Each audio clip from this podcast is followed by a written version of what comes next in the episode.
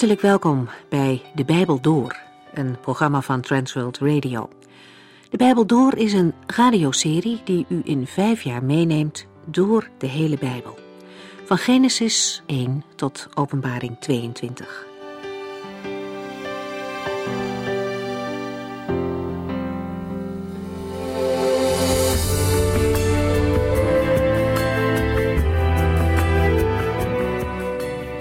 Voordat we verder gaan met Matthäus hoofdstuk 13, vat ik nog even samen waar het de vorige keer over ging.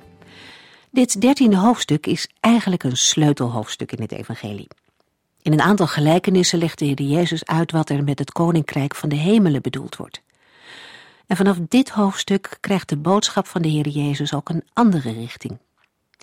Eerder in het evangelie zagen we dat het koninkrijk van God aan Israël werd aangeboden – het begon met Johannes de Doper, die de komst van de koning aankondigde.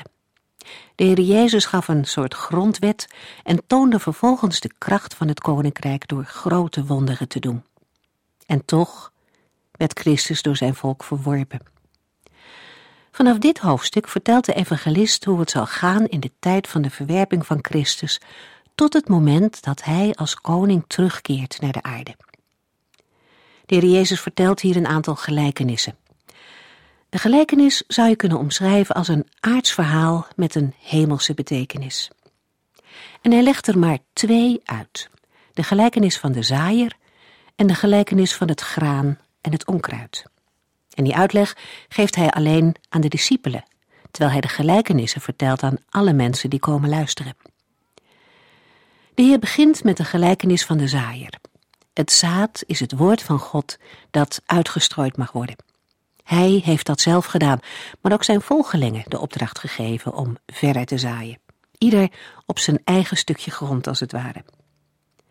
We mogen bidden voor de mensen om ons heen. En wanneer de gelegenheid zich voordoet, mogen we vertellen over het evangelie. En wat daaruit voortkomt, dat mogen we aan de Heere God overlaten. En dat mogen we doen in de wetenschap dat Hij niet wil dat er iemand verloren gaat.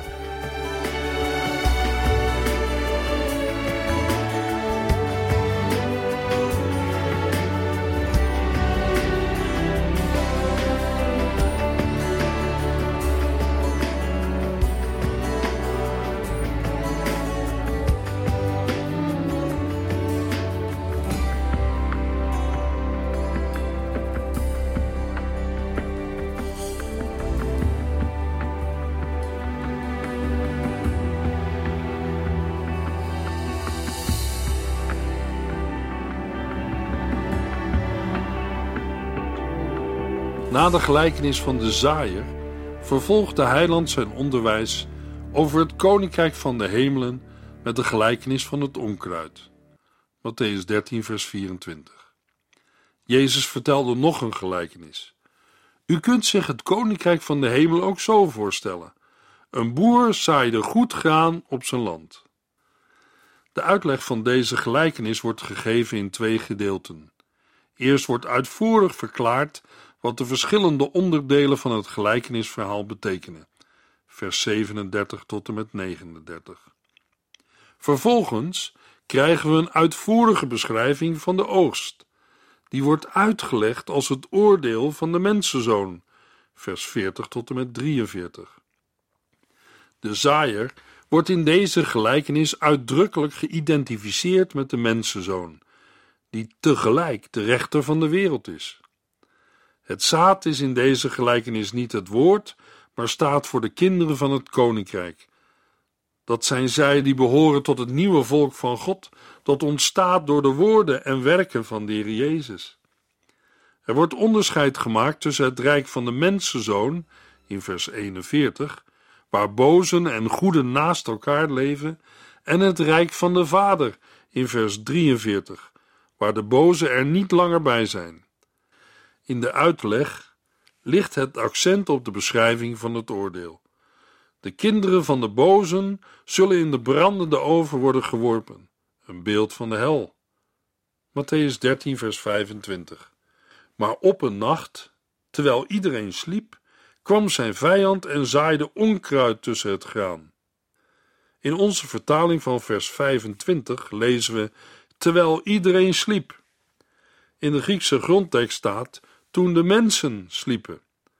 Er is geen aanleiding voor, maar het zou kunnen dat iemand door de vertaling op de gedachte komt dat de Heer Jezus ook in slaap is gevallen.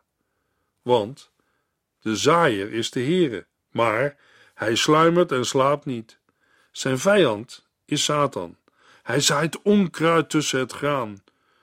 Een laffe streek, maar zeer effectief als iemand een ander wilde schaden. Het onkruid waarover hier gesproken wordt, is de giftige dolik, die aanvankelijk niet van tarwe te onderscheiden is. Dit onkruid veroorzaakt misselijkheid en kan zelfs dodelijk zijn voor zowel mens als dier. Matthäus 13, vers 26. Toen het graan begon te groeien, schoot ook het onkruid op. Als de halmen verschijnen, wordt de dolik herkenbaar, onder andere vanwege het door een zwam veroorzaakte zwarte zaad. Er wordt dan ook wel gesproken van zwart koren. Als het om het zaaien van het evangelie gaat, zaait ook vandaag de vijand er zwart koren tussen. In Gelaten 1 vers 6 spreekt de apostel Paulus over een ander evangelie dat helemaal geen evangelie is. Terwijl graan en onkruid beginnen te groeien, is het nog erg moeilijk om het onderscheid te zien tussen echt en onecht. Het onkruid is een valse leer, een vals evangelie, in strijd met het woord van God. In hetzelfde hoofdstuk van Galaten zegt Paulus: Als iemand iets anders verkondigt dan het goede nieuws dat u van mij gehoord hebt, moet u hem uit de weg gaan als een vervloekte, zelfs al zou ik het zijn of een engel uit de hemel. Ik herhaal het nog maar eens: als iemand u een andere evangelie verkondigt dan het goede nieuws dat u van ons ontvangen hebt, dan is zo iemand een vloek. Gelaten 1, vers 8 en 9. Wie is er verantwoordelijk voor het zaaien van het onkruid? De zaaier weet het. Luister maar. Matthäus 13, vers 27 tot en met 30. De knechten gingen naar de boer toe en zeiden: Het veld waar u dat goede graan hebt gezaaid, staat vol onkruid. Dat heeft een vijand gedaan, zei hij. Zullen wij het onkruid ertussen uittrekken? vroegen zij. Nee, antwoordde de boer, want dan trekken jullie het jonge graan ook mee. Laat ze maar samen opgroeien tot de oogst. Dan zal ik tegen de maaiers zeggen dat zij eerst het onkruid bijeen moeten halen en verbranden. Daarna kunnen zij het graan in de schuur brengen. Dit is een belangrijk beeld om nader te bestuderen en de betekenis te ontdekken. De Heer Jezus zegt: trek het onkruid er niet uit. Laat het jonge graan en het onkruid beide opgroeien tot de oogst. Pas dan zullen de maaiers in staat zijn om te herkennen wat onkruid is en wat graan. Iemand vraagt: Denkt u dat de wereld beter wordt? Ik antwoord: Ja, dat denk ik. Een ander zegt: Nou, ik denk dat de wereld alleen maar slechter wordt. Ik bevestig zijn antwoord en zeg: Ja, dat denk ik ook.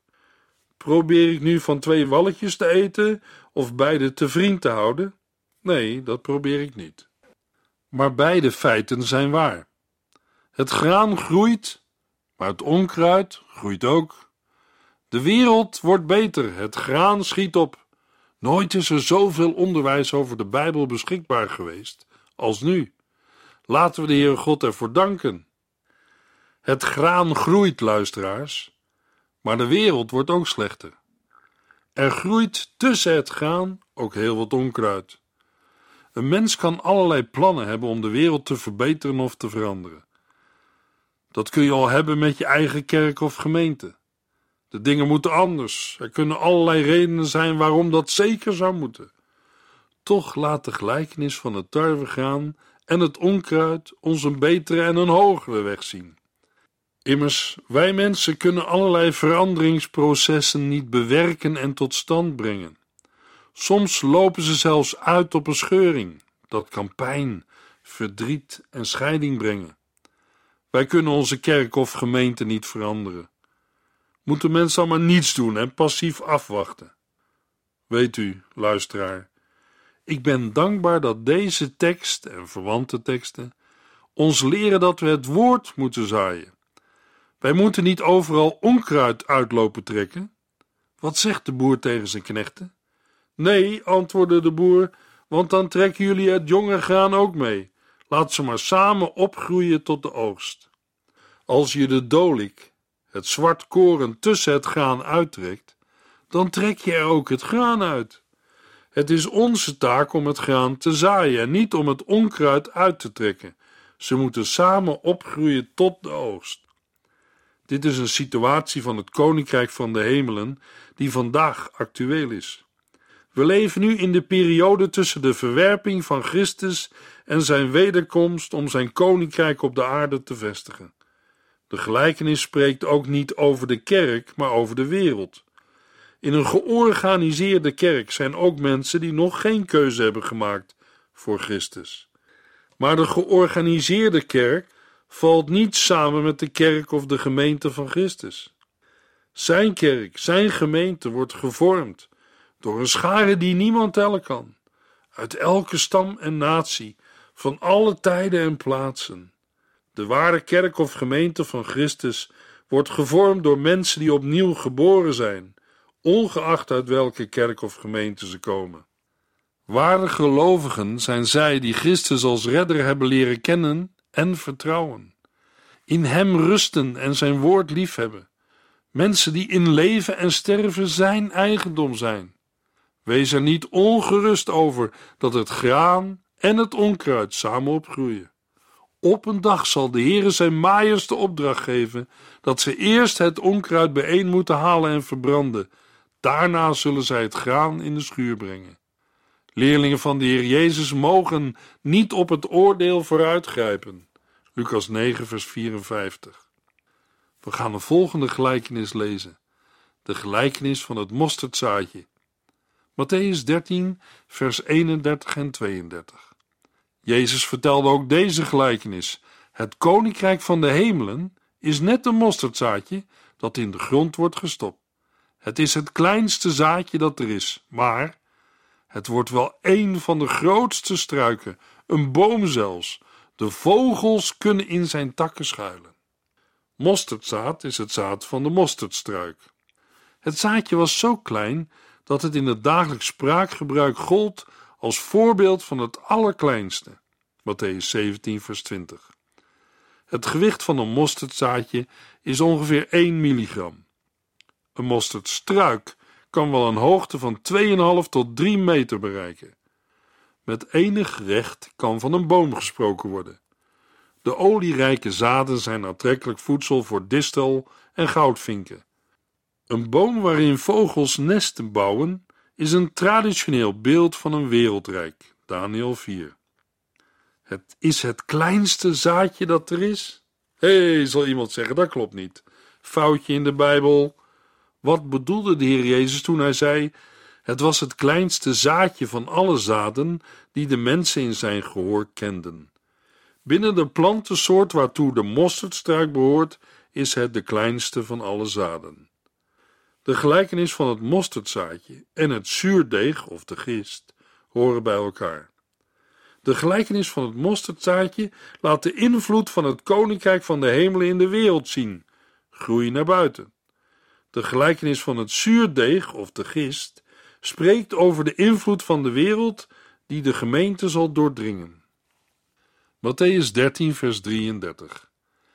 Hij vertelde nog een andere gelijkenis. Het koninkrijk van de hemelen is net als de gist, waarvan een vrouw een beetje in een hoop meel doet, en na een tijdje is het deeg door en door gegist. Zuurdesem of gist is een oud gegist stukje deeg om het gistingsproces op gang te brengen.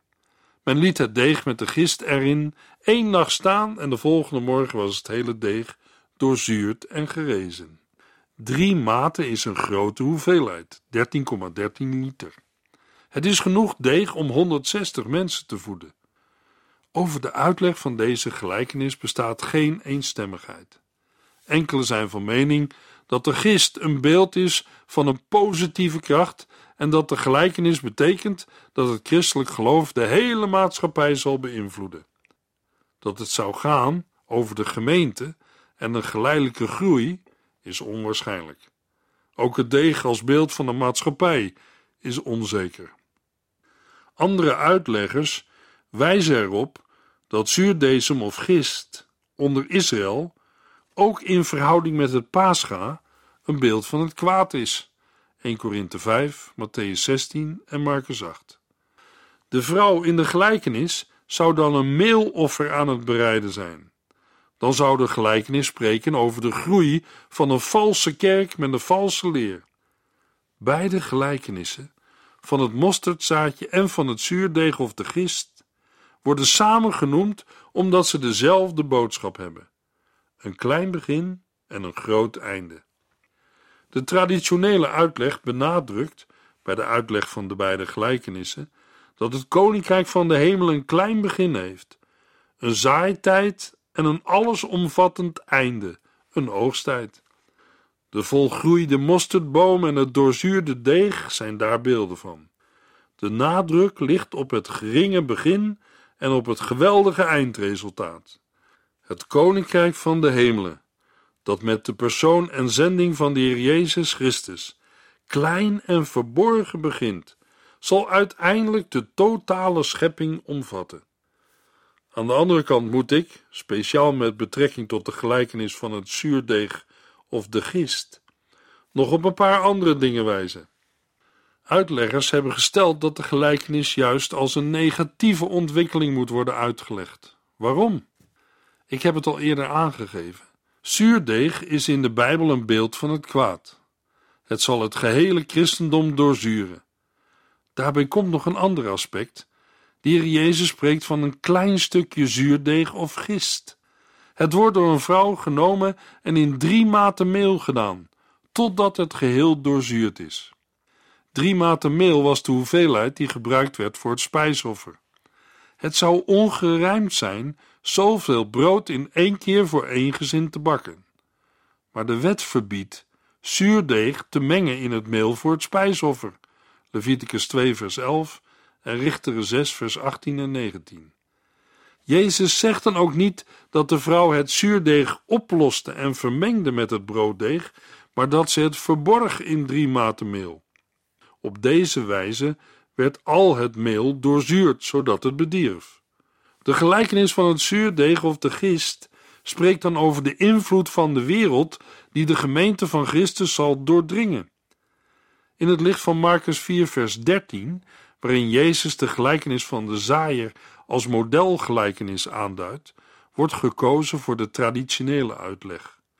Mogelijk kunnen we met beide rekening houden. De kerk of de gemeente van Christus heeft de wereld niet bekeerd, maar het heeft wel een geweldige invloed op de wereld. Aan de andere kant is de georganiseerde kerk vermengd met de wereld. Gelovigen worden opgeroepen om niet gelijkvormig te worden aan deze wereld. Matthäus 13, vers 33. Hij vertelde nog een andere gelijkenis. Het koninkrijk van de hemel is net als de gist, waarvan een vrouw een beetje in een hoop meel doet, en na een tijdje is het deeg door en door gegist. De gelijkenis van de gist leert ook dat het binnendringen van een verkeerde leer in de kerk of een gemeente tenslotte zal leiden tot afval. De Heer Jezus Christus zei zelf: Het is de vraag of ik, de mensenzoon, bij de mensen geloof zal vinden als ik terugkom. Lucas 18, vers 8. De manier waarop deze vraag in het Grieks wordt gesteld, geeft aan dat er een negatief antwoord volgt. Met andere woorden, Jezus zegt dat als hij terugkomt, er in de wereld grote afval zal zijn. En de apostel Paulus waarschuwt in een brief aan Timotheus 2 Timotheus 4, vers 3. Want er komt een tijd dat de mensen niet meer naar de waarheid willen luisteren, maar leraren zoeken die hun vertellen wat ze graag willen horen. Matthäus 13, vers 34 en 35. Telkens wanneer Jezus de mensen toesprak, vertelde hij gelijkenissen. Dat zijn verhalen met een diepere betekenis. Hij gebruikte voortdurend voorbeelden om duidelijk te maken wat hij bedoelde. Een van de profeten had al gezegd: Ik wil door middel van voorbeelden spreken en vertellen wat van het begin van de wereld af geheim is gebleven. Laten we deze uitspraak in onze oren knopen. De Heere openbaart een geheimenis, een gloednieuwe waarheid. Wat hij nu onthult in gelijkenissen, is nooit eerder onthuld in het Oude Testament. De profeet die geciteerd wordt is Asaf, de dichter van een aantal psalmen. Hier gaat het om Psalm 78, vers 2. Asaf wordt in 2 Kronieken 29, vers 30 een profeet genoemd. De Jezus vervult niet alleen de wet en de profeten, maar hij vervult ook de roeping van de profeten. De profeten zijn geroepen om de geheimenissen van God, zijn wil en zijn heilsplan aan het volk bekend te maken. De Jezus vervult deze roeping onder andere door het spreken en uitleggen van gelijkenissen. Matthäus 13, vers 36. Jezus stuurde de mensen weg en ging naar huis. Zijn leerlingen kwamen bij hem zitten en vroegen wat hij bedoelde met de gelijkenis over het onkruid tussen het graan. Jezus heeft de menigte weggestuurd en zijn leerlingen zitten om hem heen. Hij gaat de gelijkenis van het onkruid tussen het graan aan hen uitleggen. We hebben dat al besproken, maar laten we ook lezen hoe het in de Bijbel wordt verteld. Matthäus 13, vers 37 tot en met 40. Luister, zei hij, ik, de mensenzoon, ben de boer die het goede zaad zaait. Het land is de wereld. Het goede zaad zijn de mensen die bij het koninkrijk horen. En het onkruid zijn de mensen die bij de duivel horen. De vijand die het onkruid heeft gezaaid is de duivel. De oogst is het einde van deze tijd en de maaiers zijn de engelen. Zoals in dit verhaal het onkruid bijeengehaald en verbrand wordt, zo zal het ook gaan bij het einde van deze tijd. Dit is een beeld van de tijd waarin we nu leven. Matthäus 13, vers 41. Ik, de mensenzoon, zal mijn engelen erop uitsturen en zij zullen alle verleidingen en alle slechte mensen uit mijn koninkrijk bijeenhalen. God de Vader heeft het gehele oordeel aan de mensenzoon gegeven. Daarom wordt er gesproken over zijn engelen en zijn koninkrijk. De Heer leert hier dat het koninkrijk van de hemelen in twee fasen komt. Sinds de eerste komst van Christus openbaart zich het koninkrijk in een voorlopige gestalte. Dat blijkt onder andere hieruit dat het nog vreemde, zelfs duivelse elementen bevat. Matthäus 7, vers 13 tot en met 23. Maar straks, na het oordeel van de mensenzoon, zal het vrederijk in zijn definitieve vorm aanbreken. Matthäus 13, vers 42 en 43. Zij zullen alle verleidingen en alle slechte mensen uit mijn koninkrijk bijeenhalen en in de oven gooien. Daar zal het een en al vroeging, tranen en verdriet zijn. Maar de goede en gelovige mensen zullen in het koninkrijk van hun vader stralen als de zon. Wie oren heeft, moet ook goed luisteren. In de versen 40 tot en met 43 besteedt de Heer meer aandacht aan het oordeel dan in de gelijkenis zelf. Hij benadrukt het feit dat het onkruid op Gods tijd geheel zal worden weggenomen en dat degenen die het oordeel uitvoeren zich niet kunnen vergissen. Dan zal het goede zaad volledig tot zijn recht komen. Ze zullen alle verleidingen en alle slechte mensen uit mijn koninkrijk bijeenhalen en in de oven gooien. De oven verwijst naar het oordeel.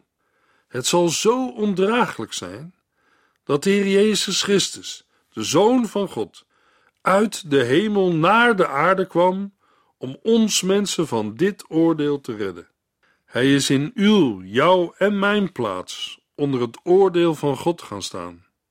Hij heeft in onze plaats gezegd: Vader, straf mij maar in plaats van. Daar mag een mens na ontvangen genaden zijn eigen naam invullen. En al de namen van de zijnen heeft hij geschreven in het boek van het leven. Niemand anders dan hij kan schrijven in het boek van het leven. Geen mens, geen kerk, alleen de Heer Jezus Christus. Het is opmerkelijk dat de gelijkenissen een dubbele bedoeling hebben: openen en sluiten. Dat kenmerkt eigenlijk het woord van God in het algemeen. Als het geen behoud bewerkt, bewerkt het oordeel. In het sleutelvers, vers 13, zegt Jezus: Daarom gebruik ik gelijkenissen. De mensen horen en zien mij wel, maar begrijpen mij niet. Spreekt de Heer Jezus nu in gelijkenissen om de mensen te beletten dat zij de zin van zijn onderwijs begrijpen, of juist opdat ze hem anders niet begrijpen? In de dubbele bedoeling die de gelijkenis hebben, openen en sluiten, liggen beide mogelijkheden besloten. Het woord van God werkt altijd, al dan niet tot behoud. Jesaja 55 vers 11.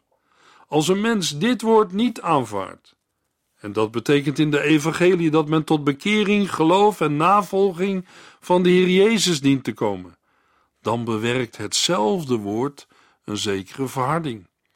Daarmee wordt de verkondiging ook een deel van Gods oordeel. Een mens die in de navolging van Jezus oog gaat krijgen voor het geheimenis van het koninkrijk, gaat ook de gelijkenissen van de Heer Jezus begrijpen. Maar een mens die hem niet wil aanvaarden, zal zelfs wat hij bezit worden afgenomen. Alleen aan die mensen die achter de Heer Jezus aangaan, in gelovige navolging, wordt de betekenis van de gelijkenissen geopenbaard van Gods wegen. Maar het blijft raadselachtige taal voor hen die de Heer Jezus niet willen aanvaarden als de brenger van het koninkrijk van God, als de beloofde Messias. Dat geldt voor de gelijkenissen, maar dat geldt ook voor de overige woorden en werken van Jezus. In Matthäus 13 vinden we zeven gelijkenissen van Jezus. Allen hebben hetzelfde thema: het koninkrijk van de hemelen. De verhalen spreken over de voortgang van het koninkrijk tot aan de voleinding en over de onschatbare waarde en blijdschap die er ligt in het vinden van het koninkrijk der hemelen. Maar daarover meer in de volgende uitzending.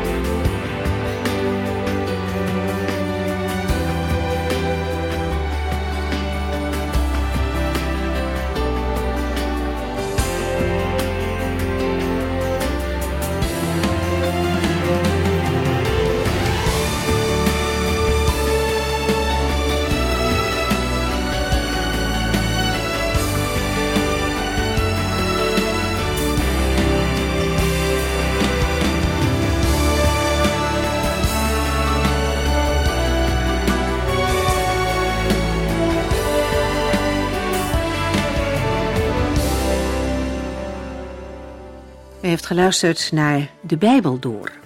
In het Nederlands vertaald en bewerkt door Transworld Radio. Een programma waarin we in vijf jaar tijd de hele Bijbel doorgaan. Als u wilt reageren op deze uitzending of u heeft vragen, dan kunt u contact met ons opnemen. Tijdens kantooruren kunt u bellen op 0342 47 8432. 0342 47 8432. 32. Ook kunt u een e-mail sturen naar de Bijbel door transworldradio.nl en natuurlijk kunt u ook via de post ons bereiken. TWR, postbus 371, postcode 3770, AJ in Barneveld. Dit programma werd gepresenteerd door Cor Weda en Ike André. Techniek was in handen van Odin van Woerdekom. En wij allemaal bedanken u voor het luisteren. Graag tot de volgende keer.